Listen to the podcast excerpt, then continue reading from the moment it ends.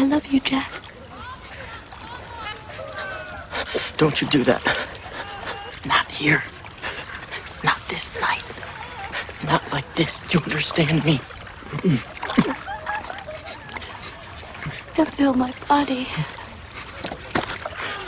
Winning that ticket, Rose, was the best thing that ever happened to me. It brought me to you. De liefde is soms hard werken. Vooral als je onderkoeld aan een stuk wrakhout hangt en de naam van je geliefde met je laatste adem uit je longen perst. Romantiek. Je moet het zelf doen. En dat is ook net het thema van deze aflevering van Radio Dakhaas. Zelfgemaakt. Mensen die zelf iets opzetten, ergens voor durven gaan, dromen en idealen najagen. Deze aflevering is iets anders dan jullie van ons gewend zijn. Deze keer laten we aflevering 1 van Talkshow De Ruit horen. Talkshow De Ruit is een podcast die live wordt opgenomen door Teddy Tops en Oscar Kokke bij Raum Leidse Rijn. Daar vertelt Teddy zo meteen meer over in haar introductie. In deze aflevering drie korte interviews over de liefde. Teddy en Oscar spreken met een relatietherapeut, een polyamorist en een Tinder-deskundige. En wat je dan hoort, is dat relaties moeilijke kanten hebben en zelf gemaakt moeten worden. Of nou ja, samen dan. Je luistert naar Podcast De Ruit. Een live opgenomen podcast over menselijke emoties in een stad. In dit geval Utrecht. Voor De Ruit nodigen Oscar Kokke en ik, Teddy Tops, steeds bijzondere en normalere mensen uit om over een van die emoties of thema's te praten. We spreken wetenschappers, kunstenaars, psychologen en agenten om erachter te komen wat ervaren wij in deze veranderende, ontwikkelende stad? Waarom ervaren wij het? Valt het te sturen? En zijn wij de enige? De podcast bestaat uit twee delen. Dit is deel 1 van de Ruit over liefde.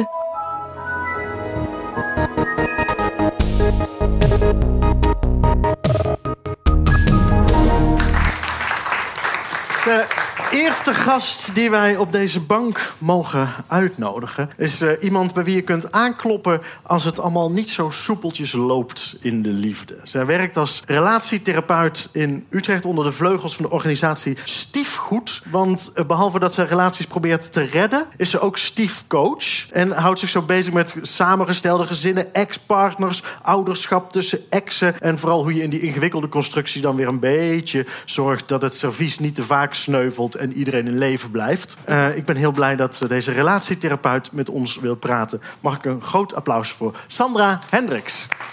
Eventjes, eventjes zodat we weten wat voor vlees we in de kuip hebben. Jij, jij helpt aan de ene kant mensen om hun relatie te behouden. Ja. En aan de andere kant help je ook mensen tussen wie de relatie over en uit is. Eventjes dat, dat we weten wat, wat we aan je hebben. Maar ben jij als therapeut het beste in relaties redden... of juist zorgen dat ze voorgoed uitblijven? Ik denk dat ik goed ben in op tafel leggen wat er aan de hand is. Wat is er meestal aan de hand Meestal als mensen komen bij je mensen die zeggen we hebben een probleem en dat is jouw schuld. Ah ja, Hè? Dus dat, dat, dan komen mensen gewoon voor een relatie. dit, dit klinkt wel als een standaard situatie. Dit, nou, dit is wel, ja, dit komt vrij veel voor. Ja. Heb, je nou, heb je nou veel cliënten uit Leidse Rijn? Nou, dat zei ik al net tegen je. Het is wel een groeimarkt, denk ik. Oh jee. Want als mensen, ehm, we hebben het nu over een standaard relatie. Ja, kom maar. Eh, die, die mensen krijgen kinderen en dat is dan een kerngezin.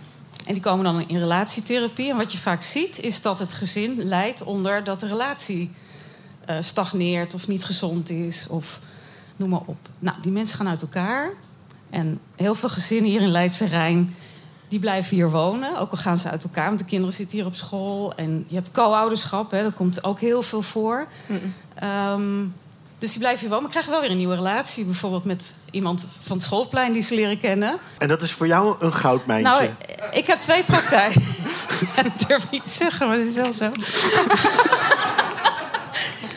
Ehm, dat ligt eraan dat hier heel veel jonge gezinnen wonen. En eh, in deze tijd kun, kun je ook, eh, hè, daar kun je gewoon cijfers op loslaten. Er gaan ook heel veel mensen weer uit elkaar, zeker jonge gezinnen. Dat vraagt gewoon heel veel hè, in deze tijd. Dus we hebben allemaal, willen allemaal een baan, we willen goed uitzien, we willen vriendschappen. eh, we willen dat de kinderen het goed doen op school. Kost allemaal tijd en energie. We willen sporten, ik weet niet wat we allemaal willen. En dan zie je vaak dat mensen op nummer 10 de relatie hebben. Dus ze begonnen op nummer 1. Hè? Wij vinden elkaar lief en wij gaan er wat van maken. En door alle omstandigheden komt de relatie steeds verder op in het verhaal. Nou, en dan kan je ook te laat beginnen aan relatietherapie natuurlijk. Dus dan ga je uit elkaar. Dan ben je we even reclame aan het maken dat we gewoon betijds bij jou moeten zijn. Kom op tijd, kom op Ja? tijd. Nou ja, soms wat is wat het is echt te laat. betijds dan?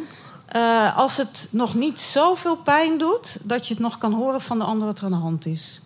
Of als je allebei echt nog in de relatie wil zijn. Meestal komen mensen als een van de twee eigenlijk al uit de relatie is gestapt, maar dat nog niet durft. Of, Ja. of er is een derde in het spel die dan helpt de boel te versnellen. Heel vaak als mensen daarom uit elkaar gaan, dan gaat het meer over dat het eh, een soort strohalm is om uit de relatie te stappen, die Ja. misschien al heel lang niet goed is. Ja. Dus, dus dat is dan inderdaad eh, per definitie het einde van Nee, dat hoeft niet. Maar je moet wel commitment hebben om er met z'n tweeën iets aan te doen als Ja. je het anders wil. En als een van de twee zegt, eigenlijk kan ik dat niet meer, het is al te laat voor mij. Ja, dan is het soms beter, ook daar is relatietherapie goed voor trouwens, om het goed af te ronden. Anders Ja. blijf je herhalen in de volgende relaties eh, Ja. wat er niet goed is gegaan. We benoemen nou dat er iemand anders in het spel kan zijn. Ja. Ehm, is de keuzestress een groot probleem anno nu?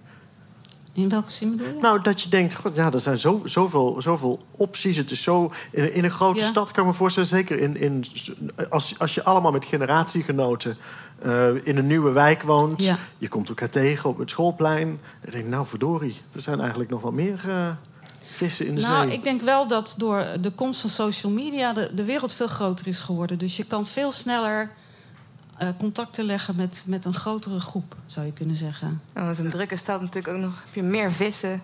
Ja, ik denk niet dat de eenzaamheid groter is Hm. dan vroeger, maar wel de kans om iets eh, te doen tegen het gevoel van eenzaamheid. Valt eigenlijk elke relatie te redden? Nee. Ook niet als jij heel goed bent? Nee, ik denk dat het zelfs. Weet je wat ik in het eerste gesprek had zeg? Ik, ik geef geen garantie op dat jullie het gaan redden met elkaar. Ik geef wel garantie dat ik op tafel leg wat er gezegd moet worden. Eh, het gaat mij meer om dat ik, dat ik meekijk wat er aan de hand is. En vanuit daar mensen laat kiezen wat ze ermee willen. En ik heb in het begin, eh, toen ik dit net deed, dacht ik... oh, die zijn leuk bij elkaar, die hebben een heel klein probleem. Die gingen allemaal uit elkaar, hè? En mensen verdachten, jullie vechten elkaar al 30 jaar de tent uit. Wat zijn jullie aan het doen? Die, jullie zijn waarschijnlijk nog bij elkaar. Ik ben gestopt te bedenken waarom mensen bij elkaar zijn... of waarom ze bij elkaar blijven. Ik weet alleen dat als het niet goed gaat... dat het fijn is om daar hulp bij te krijgen. Om te kijken wat er dan niet goed gaat. En soms is het zelfs beter, denk ik, als mensen niet bij elkaar blijven. Maar dat is niet aan mij. Ik, ik heb daar geen oordeel over. Maar ik, krijg, ik hou niet iedereen bij elkaar. Nee. Nee. nee. En kun je ook te veel weten over relaties? Is dat ook... ik kan me voorstellen dat als je Vanuit- inderdaad Oh, voor mezelf. professioneel... Nee hoor, want ik maak Relaties redt? ontzettend stomme fouten in mijn relatie. Joh. Nee, dat is eh, geen enkele Jij garantie. ook? Ja, ja. Het, ja. is, het is niet dat als je zelf relatietherapeut bent... dat je de perfecte relatie hebt. Nee, ik kan, ik kan er wat meer over vertellen misschien. Tot vervelend toe misschien thuis, dat weet ik niet. Maar als, als je in je eigen proces zit... dan zie je vaak niet waar het over gaat. Ik heb ook blinde vlekken, ik heb ook mijn oude pijn. Ik kom ook dingen tegen. Ik heb ook kort lontje als ik moe ben. Dus eh, helaas. En het is niet zo dat jouw partner af en toe zegt... Sandra, nou zit je weer de therapeut uit te hangen. Nee, maar ik, ik zeg altijd, dat doe ik op mijn werk. Die wil juist graag dat ik dat wel doe. Oh. Nou, nee, nee, nee. Ik ben nu vrij, ik weet het ook niet. Zegt hij. Is er nou, nou gewoon nog één ultieme tip? Kijk, sowieso allemaal vragen om jouw visitekaartje. Dat lijkt me een goede tip. Maar Ja. wat... Kijk, je zegt niet elke relatie is te redden. Oké, Nee. daar leggen we ons dan bij neer. Maar als we dan toch ons uiterste best willen doen... één ding wat veel mensen over het hoofd zien... is, er- is er iets wat, waar je ons mee kan Eh, helpen? dat is altijd lastig, hè? Maar ik denk ehm, dat je kwetsbaar durft te zijn naar elkaar. Dus dat je echt durft te vertellen wat er in je omgaat. Hè? Ook al denk je dat je die ander daarmee pijn doet. Eh, mijn ervaring is als je dat niet doet en het stapelt zich op... dan kwets je in ieder geval jezelf, maar eigenlijk ook je partner. En vaak kom je er verder mee als je het wel doet. Dus dat is belangrijk. Over Moet er ruzie- bereid zijn om de ander ook te kwetsen dus eigenlijk? Nou, weet je, dit is heel filosofisch, maar we kwetsen in feite iedereen omdat we er zijn. Dus dat is toch al, dat is een gegeven. Het feit Ja. dat ik ruimte inneem is al eh, reden om te zeggen... daarmee neem ik dus de ruimte van een ander. Hè, ik neem jouw ruimte in, omdat ik hier zit. Nou, ik kan je zeggen, ik heb daar nog geen seconde last van gehad. dat snap ik. Ik, ik, ik heb ook nog geen relatie natuurlijk. Ik hoor een- Nog, nog, geen. Ik, ehm, ik zou je sowieso willen, wil- Ja. willen vragen. ehm, kijk, we hebben hier een, een tafel gemaakt waar onze gasten die straks geïnterviewd worden, allemaal ook bij elkaar zitten. Ehm, bemoei je alsjeblieft ook met de, de, de volgende gesprekken. Als jij denkt, nee, daar, daar, daar heb ik ook nog wel een vraag over, daar wil ik, heb ik een idee over. En dat geldt, die uitnodiging is aan iedereen. Sowieso in de hele zaal, maar speciaal aan de tafel van de VIP's. Eh, laten, we, laten we erachter komen wat het beste werkt, wat niet werkt. En, eh, heb je vaak eh, polyamoristen in je praktijk? Dat Ik denk stiekem een polyamoristen. Dus stiekem. ja, ik denk dat het nog een taboe is. Dat je van meerdere mensen tegelijk kunt houden op verschillende manieren. Eh, dat dat wel steeds meer in de media komt. Maar openlijk zeggen, ik hou ook van iemand anders en ook van jou. En dat dat samen kan, dat ligt nog heel ingewikkeld. Dus ik vind het mooi dat dat ook aan de orde komt vandaag. We gaan het er eh, zo dadelijk over hebben. Ik wil je voor nu heel erg Dank. bedanken. Mag ik een groot applaus voor Sandra Hendricks. Dank Ehm, eh, de volgende eh, gast die ik mag uitnodigen is inderdaad van het minder traditionele liefdesverhaal. Zij geeft les eh, aan de Universiteit van Leiden. En zij heeft zelf antropologisch onderzoek gedaan naar polyamorie in Utrecht ook vooral. Ehm, en ze, ze is toen ook in contact gekomen met de stichting Polyamorie Nederland. En daar werkt ze nu ook bij. Mag ik een heel warm applaus voor Gemma Middleton. Hey, om even eh mensen weer in huis te vallen. Ja. Eh, ik, denk, ik weet niet of iedereen eh, weet wat polyamorie behelst. En misschien hebben ze wel allerlei verkeerde ideeën daarover. Kun je kort uitleggen wat het is, Ja. wat het inhoudt? Dat kan Met een glas wijn in je hand. met een glas wijn en een boek op tafel. Ehm, ja, polyamorie is ehm, dus een relatiestijl. Een relatiestijl waarbij mensen meerdere romantische, seksuele en of intieme relaties ehm, kunnen hebben. Ehm, dit is dus best wel anders dan een monogame relatie. Ehm, dit doen ze ook open en eerlijk, niet geheim. Ehm, en daarbij kan het ook zo zijn dat het eh, voor sommige mensen gaat om liefdesrelaties. Dus dat ze meerdere eh, liefdes in hun leven hebben. Maar voor andere mensen gaat het ook al hun relaties bevragen. Dus wat er zijn de grenzen tussen vrienden, ehm, tussen, je, tussen je partners, ehm, tussen degene met wie je woont. Waar zijn die grenzen? Waar eh, zitten je gevoelens? En eh, waarom zitten die grenzen daar? Ehm, en wat wil jij, wat wil een ander en hoe kan je dat op elkaar afstemmen? Ehm, dat zijn dan vragen die mensen kunnen stellen, maar het is dus heel breed. Ja. En wat, wat, wat zijn de, de meeste eh, misverstanden die er over poly- polyamorie bestaan? Nou, de eerste dingen waar je denk ik tegenaan loopt, is dat mensen denken dat het eh vreemdgaan is. Dus daarom dat mensen zeggen het is eigenlijk iets waar we heel open en eerlijk over doen.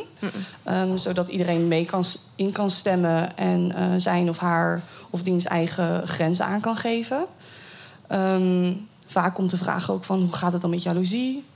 Ehm, men denkt dat dat dan niet bestaat. Voor sommige mensen is jaloezie niet. eh, Voor sommige polyamoristen die ik heb gesproken, of die zich aan de stichting verbinden, of die ik persoonlijk ken, die voelen niet echt jaloezie.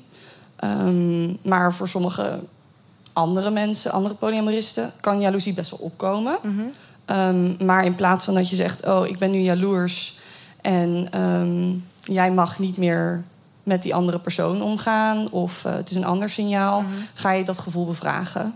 Ehm, En ehm, blijft het niet daarbij? Eigenlijk gaat dit ook over wat, wat Sandra dus al eerder zei. Het gaat om het bespreekbaar maken van je gevoelens... en het niet afkeuren van waar je zelf over fantaseert... waar je misschien mee zit. En dat gewoon bespreekbaar maken, toestaan. Ja, dus een heel groot ding voor polyamoristen is communicatie. Eh, communicatie over je wensen, over je grenzen, over je verwachtingen. Ehm, en dat is vooral heel belangrijk, omdat je dus met je, je gaat van het eh, eh, dominante plaatje sta, daar stap je van af. En dan kan er ineens van alles. Ja, dan is het goed om te bespreken wat iemand nou wel niet verlangt en waar, hoe vaak zie je elkaar in een week? Wat vind je fijn met elkaar om te doen? Ehm, een, een veel voorkomend taboe is ook nog dat het vaak eh, het idee is dat het vooral om seks draait. Omdat er een taboe op seks nog wel. Dat leeft nog wel, ja. überhaupt, Ja. in Nederland. Ehm, en eh, het kan net zo goed om seks draaien, want eh, seks is iets wat mensen leuk vinden om te doen. Eh, seks kan op allerlei verschillende manieren. Ehm, met verschillende mensen die verschillende genderidentiteiten en van alles en nog wat doen, vinden, hebben. Je kan het allemaal bedenken.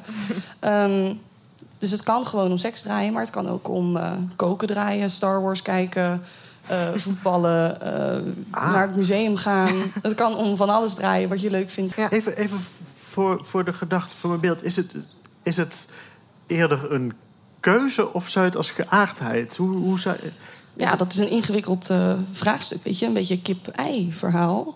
Ehm, voor sommige mensen voelt het als iets wat ze al sinds kinds af aan voelen. Dat ze merken, ik hou van meerdere mensen in de klas. Ik weet nog dat ik verliefd was op ehm, mijn vrienden en... eh, ehm, ja, dat kan. Voor andere mensen is het iets wat je tegenkomt als je eh 18 bent. En iemand zegt dat dat kan en je merkt... oh, eigenlijk vind ik verschillende mensen aantrekkelijk... of eh, waardeer ik mijn vriendschappen heel erg... of zie ik die grenzen niet zo wat weet je- je iets, als je het niet wil zeggen, het ook vertellen over hoe, hoe dat bij jou op je pad kwam? Ehm, ja, bij mij kwam het op mijn pad. Ik had zelf een monogame partner. En wij gingen praten over dat hij andere gevoelens had. Of dat hij gevoelens had voor andere vrouwen. En zo begon dat gesprek. Ehm, en dat is gegroeid. En nu zie ik zelf. Dus voor mij is het iets wat ik niet zelf heb bedacht. Ehm, maar tegen het lijf heb- ben gelopen. Ehm, maar wel herken in hoe ik me voel ten opzichte van eh, anderen en mijn vrienden, ehm, mensen die ik belangrijk vind in mijn leven. Dus ook iets wat heel erg bij mij hoort. Ja. Zo is dat bij mij persoonlijk gegaan. Maar het gaat dus heel verschillend voor mensen. Dus ik zou niet zeggen dat er. Het is eh, natuurlijk of het is eh, niet natuurlijk. Of het is iets waar je geboren mee moet zijn. Of het is een keuze. Nee, het is iets wat mensen eh, doen. En eh, daar moeten we ze voor respecteren. En eigenlijk de ruimte voor geven, denk ik. Ja. En, en je bent secretaris van eh, De stichting, Poly- ja. stichting Polyarmorie Ja. Nederland. Wat, wat doet die stichting? Ehm, die stichting zet zich in voor polyamoristen in Nederland om eh, meer zichtbaarheid te creëren, eh, ook meer draagvlak, eh, ook een klein deel lobbyen bij de politiek, Mhm. afhankelijk van het politieke klimaat. Want er, moet, er moeten blijkbaar... er- Er moeten ook er- er moeten wel wat dingen anders. Ehm, Bijvoorbeeld in Utrecht is het moeilijk om met meerdere mensen, met meerdere volwassenen, samen te wonen. Eh, dus Nee, het terrein is dat niet eh, waar ze op hebben gebouwd, zeg maar. Ik denk dat ze Nee. gebouwd hebben op, op eh, Traditionele Ja. gezinnen. ehm, monogame eh, stellen die Ja. kinderen krijgen.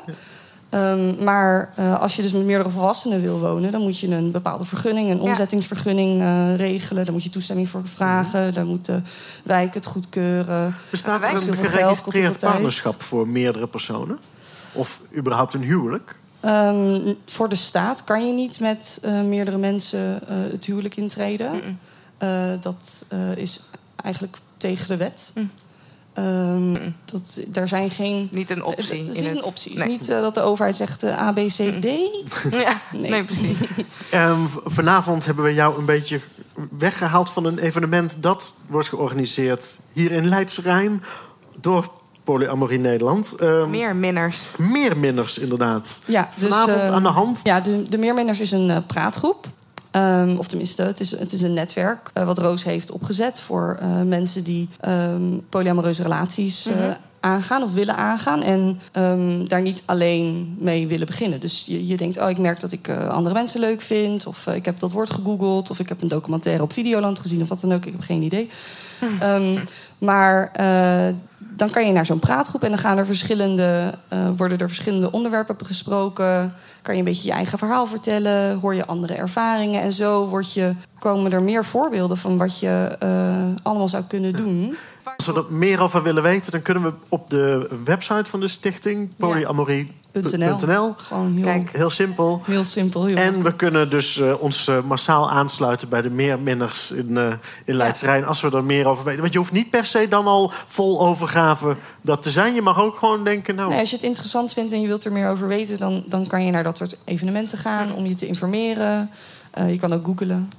En we kunnen jou nog eh, vanavond ook na dit programma nog aanspreken met al Ja, onze zeker. vragen. Ik eh, wil je heel erg danken. Mag ik een groot applaus voor Gemma Middleton. Dank. Liefde anno 2019 eh, kan je de social media en dating apps eigenlijk gewoon niet meer wegdenken. Eh, onze volgende gast die deed eh, onderzoek naar al- hoe dit alles ons liefdesleven beïnvloedt. En dat leidde tot het boek Liefde in tijden van Tinder. Ik wil een groot applaus voor Elisabeth Timmermans. Welkom. Ik, ik lees op de flap van jouw boek. Er staat eh, dat je een beurs hebt gekregen van de Europese Unie. En ik was meteen benieuwd. Is dat omdat Jean-Claude Juncker maar geen matches kreeg? Ehm, wa- wa- waarom moest er een Europese beurs naar een onderzoek over datingapps? Ehm, ja, ik, ik denk gewoon dat, dat iedereen zich een beetje afvraagt van ja, hoe dat relaties tegenwoordig gevormd wordt. En relaties is toch iets wat heel belangrijk is in onze maatschappij. Hè. Koppelvorming voor, alleen al voor de voortplanting. Eh, maar ja, gewoon van hoe evalueer, evolueert dat? Waar gaan we naartoe? Wat kunnen we verwachten? Ehm, wat zijn de gevolgen hiervan? En al die dingen probeer ik in kaart te brengen. Want je hebt want net onderzoek gedaan. En wat, eh, wat heb je precies onderzocht? Ja, ik, ik doe sinds ehm, ja, 2013 onderzoek. Ehm, en ik ben communicatiewetenschapper. En ik ben toen naar Amerika gegaan. En daar merkte ik ineens van... Iedereen had het daar over Tinder. En ik had nog niet echt over Tinder gehoord. Eh, in België en Nederland was dat toen echt nog heel nieuw. Dus, en in Amerika was het echt zo dat iedereen het gebruikte. Dus ik ehm, ja, gaf daar ook les bijvoorbeeld. En in de les zaten alle studenten te swipen. Dus ik dacht van, wow, eh, wat is dat hier eigenlijk? En ik woonde ook met een, een paar jongens samen toen. En eentje daarvan die schepte dan een beetje op van... Ja, ik heb een Tinder-date en ik heb eh, heel veel seks gehad eh, vandaag. Dankzij die Tinder-date. Vandaag? Heel veel vandaag. Doe mij ook die Dus app. eh, het was wel voor mij een beetje een, de onderzoeksvraag van ja, hoe, hoe veranderen die dating apps eigenlijk ehm, hoe dat we met elkaar omgaan en ook natuurlijk hebben we meer seks door die dating apps. Omdat ook de media het een beetje uitspeelden van eh, Tinder leidt tot meer seks. In Amerika had je ook echt zo van die reclame allee, niet reclameborden maar zo voorlichtingscampagnes. En had je zo Tinder Grindr en dan zo allemaal SOA's dat je dacht van, oké. Ehm, dus ja, dat was mijn hoofdvraag eigenlijk. Van, hebben we meer seks door Tinder? En, En? daar heb ik een heel doctoraat over geschreven. Eh, om de vraag... Jij wil gewoon meteen to the point, dan kunnen we naar huis. Ik vind het dan... eh, Eh, ja, dus ik heb vier jaar lang dat onderzocht. Ehm, maar de eerste vraag is natuurlijk... waarom gebruiken we een dating-app als Tinder? Reden nummer één is helemaal niet de liefde, helemaal niet seks. Reden nummer één is puur voor tijdverdrijf als vorm van entertainment. Eh, nummer twee is nieuwsgierigheid. Mensen die zich afvragen wat het eigenlijk is en wie dat daar eigenlijk op zit. Eh, reden nummer drie is om nieuwe mensen te leren kennen, om eh, ja, nieuwe vrienden te maken. Als je student bent en je kent nog niemand en je student staat, als je verhuist en je kent nog niemand. En op de vierde plaats de liefde. Nummer vier. Ja, Ah, ja. en de hoofdvraag, waar staat casual sex? Eh, die staat op de elfde plaats. Dus dat Ah. wil zeggen dat maar een heel kleine groep toegeeft dat ze op Tinder zitten om seks te vinden. Toegeeft, zeg je Ja. nu al. Toegeeft. Ja. Ja, ik geloof het wel, omdat het echt met een anonieme vragenlijst is. Dus niemand kan te weten komen wat jouw antwoord is. Dus het heeft eigenlijk niet zo heel veel zin om te gaan liegen. Nu, ja... Is er een verschil tussen mannen en vrouwen? Ja, eh, ook heel interessant. We hebben gekeken naar de geslachtsverschillen en het verschil was het grootste voor casual seks. Dus eh, mannen scoorden daar opvallend hoger dan vrouwen. Eh, maar mannen Dan worden ze vaak teleurgesteld, begrijp ik. ja, maar mannen scoorden ook hoger op de liefde vinden dan vrouwen. En vrouwen scoorden dan weer hoger op ehm, kijken hoe goed ze nog in de markt liggen dan mannen. Ja, ja, ja. Dus. Kijk, Mijn, als, ik, als ik mijn oma vertel over dit soort dingen... dan is haar reactie meteen van... jeetje, het is allemaal... sinds de komst van die dating-apps, van die technologie... is de liefde een stuk minder romantisch. Daten is... is nou, de romantiek is eraf. Verandert het ons liefdesleven, het daten... verandert het nou ten goede, ten kwade? Of ben je zo'n wetenschapper die daar dan geen mening over heeft? Uh, ik ben wel zo'n stomme wetenschapper die zo altijd de twee kanten gaat bekijken. um, maar ik, ik denk vooral dat het zo, die dating apps die dat we op dit moment hebben, dat die vooral de eerste fase heel sterk hebben beïnvloed. Dus het swipe-gedeelte, het matchen, de eerste afspraak, zodat je echt gaat afspreken met mensen die je nog nooit hebt gezien, bijvoorbeeld. Dat komt vaker voor. Maar ook de manier hoe dat we elkaar online gaan behandelen is anders geworden, denk ik. Um, als je het vergelijkt met op café iemand leren kennen, dan ja, je kan je op café maar op één persoon richten. Je kan maar met één iemand een gesprekje aangaan. En als het niet lukt op het einde van de avond, dan moet je met iemand anders een gesprekje aangaan of je gaat naar huis. Maar als je tindert, dan kan je dus met zoveel mensen als je wilt tegelijkertijd een gesprekje aangaan. En dan ja, wacht je eigenlijk een beetje totdat de eerste persoon toehapt. En dan kan je daar bijvoorbeeld mee op date gaan. Maar dat wil ook zeggen dat je niet altijd naar die andere personen gaat communiceren. Waarom? Dat je ineens niet meer met hen praat. En dat is waar een nieuw fenomeen, ghosting, is iets wat denk ik wel heel sterk in opkomst ghosting? is door die dating apps. Dus ghosting dat is wanneer dat je een gesprek hebt met iemand of, of zelfs al een leuke date hebt gehad en je hebt het gevoel van het klikt heel goed en je wilt graag dat er meer van komt en ineens verdwijnt die persoon. Mm. En je weet niet wat er is gebeurd. Mm -mm. Waar dat die naartoe vaak is. dan? Op die dating apps gebeurt het steeds meer en meer. Dus ik heb heel weinig. Of eigenlijk is het zo, als je een dating app gebruikt, is de kans heel groot dat je ghosting al minstens één keer hebt meegemaakt. Heb jij eh, ooit getinderd? Nooit, nooit. ook Tinder is een soort SOA, want daar kwam ik ook niet van af. Gewoon verwijderd van mijn telefoon, maar het, het, ik bleek nog wel een profiel te hebben. Ja. En, en dat worden zo de zombie-profielen Precies. genoemd. Ik ben Ja. een Je bent een zombie. ghost en Ja. een zombie. Ja, is heftig. Ja, dus Tinder heeft het hun, hun app zo ge- gemaakt dat als jij er niet meer op wil, dat je dat echt moet aangeven in de app zelf. Dus als je gewoon je smartphone, je app, je, de Tinder-app zou verwijderen, dan blijft jouw profiel wel nog zichtbaar voor iedereen. Ja. Het kan ook in relaties problemen veroorzaken. Want stel dat je een vriend had en een vriend van hem ziet dan van... Zeg, jouw vriendin is wel nog altijd op Tinder. Ik heb haar profiel gezien. Ja. Terwijl dat jij het eigenlijk niet meer gebruikt hebt. Ja, Vaak wordt gezegd over dit soort apps die gratis zijn. ehm, als je iets gebruikt wat gratis is, dan ben je waarschijnlijk zelf het product. Ja, inderdaad. En, en dat is iets wat we eigenlijk ook bij, bij Facebook zien. Hè. Dus ehm, vanaf het moment dat je iets gratis kan gebruiken, dan betaal je altijd op een andere manier. En bij Tinder is het ook zo dat je met jouw data gaat betalen. En je moet jezelf de vraag stellen als je echt op zoek bent naar de liefde en je gebruikt Tinder bijvoorbeeld. Heeft Tinder er profijt bij dat jij je partner zou vinden? Want stel nu dat iedereen zijn partner zou vinden op Tinder, ja, dan hebben ze natuurlijk geen mensen Markt, meer ja. op hun ding. Dus voor hen is het eigenlijk veel interessanter als wij met z'n allen inderdaad losse connecties maken. Of, of, of met iemand bijvoorbeeld een keer seks hebben en dan telkens terugkomen naar de app, is voor hen veel interessanter dan dat wij echt een langdurige relatie zouden aangaan. Wat suggereert dat zij dus de perfecte partner niet langs laten komen. Ja, ik weet niet of ze daar bewust mee bezig zijn, want de vraag is natuurlijk Hoe weten zij wat de perfecte ja, partner is? Volgens mij kan niemand, eh, want veel datingwebsites creëren zichzelf zo van ja, wij hebben een algoritme dat de perfecte match voor jou vindt.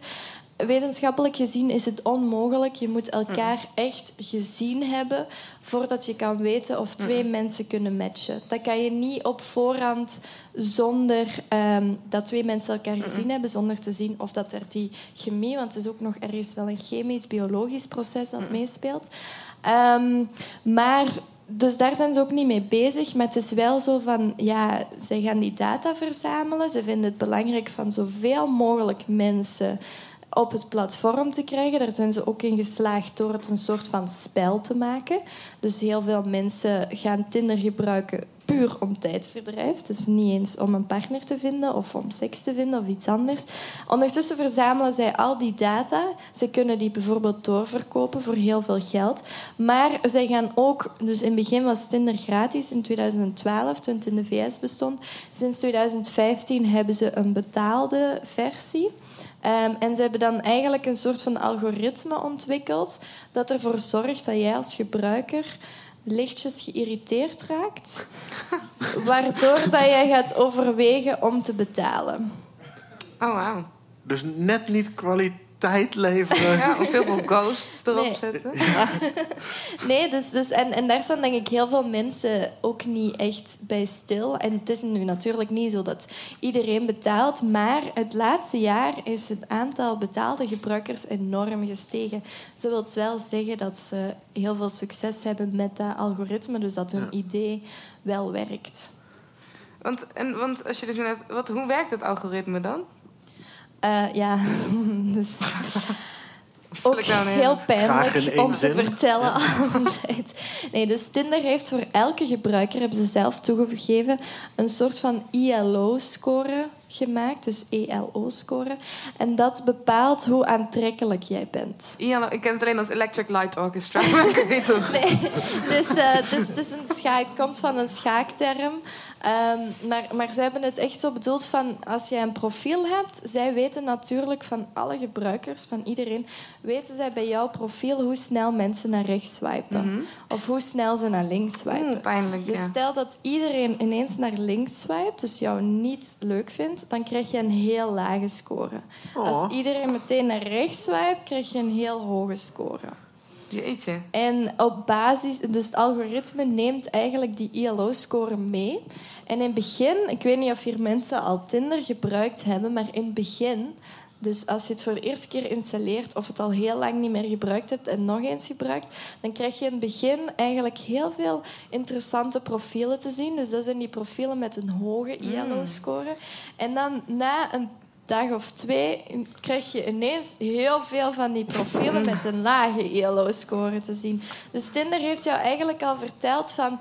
Er zijn wel interessante Ja, mensen hier, Maar niet voor jou. maar nu niet meer. en als je die terug wil zien, dan ga je Betalen. wel moeten betalen. Ja. Jij hebt, je hebt dat onderzoek gedaan. Kan, kan je dan nu ook een beetje inschatten wat voor uh, ILO-score Ja. wij zouden hebben?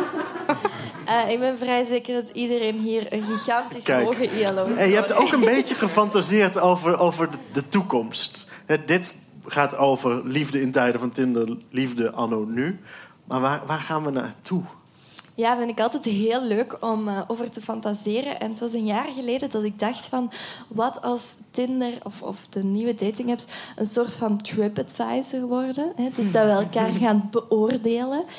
En ik, ik was daar zo over aan het nadenken. En ineens krijg ik dus een berichtje van iemand die de PR voor eh, Once deed. Dus Once is ook een, een dating app. En die vertelde mij van ja, Once heeft een onderzoekje gedaan. En ze hebben gemerkt dat vrouwen zich vaak onveilig voelen en daarom niet op date willen. Dus vanaf nu mogen vrouwen mannen beoordelen en sterren geven. Vanaf nu, dat doen ze hun hele leven al. Ja, maar ze doen het hun hele leven, maar het is niet dat je een profiel hebt waar dat mensen dan beoordeeld worden. En ik vond dat eigenlijk zo bizar, want ik dacht van, zou ik met iemand op date willen gaan die al 50 beoordelingen heeft? Dus dat is toch iets, iets bizar. Eh, en dan zeiden ze van, nee, nee, nee, we laten alleen de, de drie meest recente beoordelingen. Wauw. Ai, ai, Als er maar één heeft, is het alleen nog maar pijnlijk. Maar ook, stel nu dat ik op date ga met iemand en ik vind het echt fantastisch leuk. Ja, ik ga die toch geen positieve beoordeling Mm. geven, want dan gaat iemand anders ermee lopen. Dus je gaat iemand afkraken. Ja, dan. dus ik, ik weet ook niet of, of mensen er... Allee, dat is heel anders dan, dan een, een vakantiehuisje beoordelen. Daar maakt het niet uit als er iemand anders in gaat wonen, maar... Even tot slot.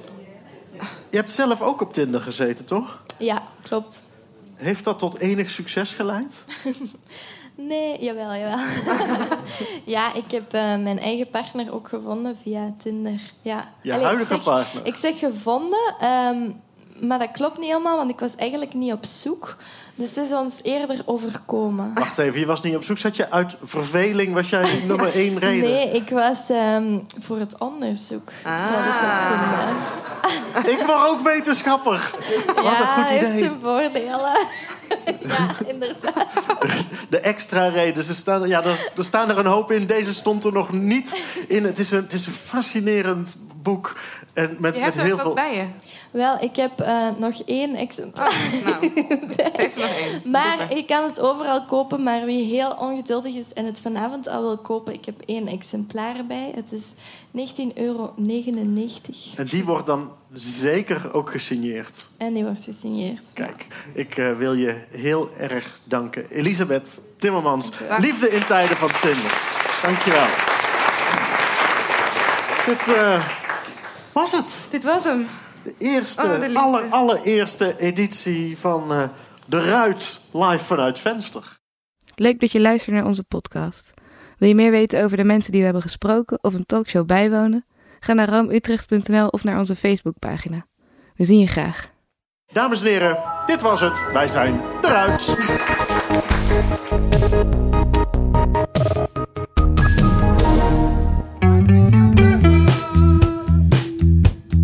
Dit was de dertiende aflevering van Radio Dakka's. Je hoorde aflevering 1 van podcast Ruit, een talkshow van Teddy Tops en Oscar Kokke. Montage en samenstelling van Radio Dakka's wordt gedaan door Ties Timmers en Elja Looijenstein.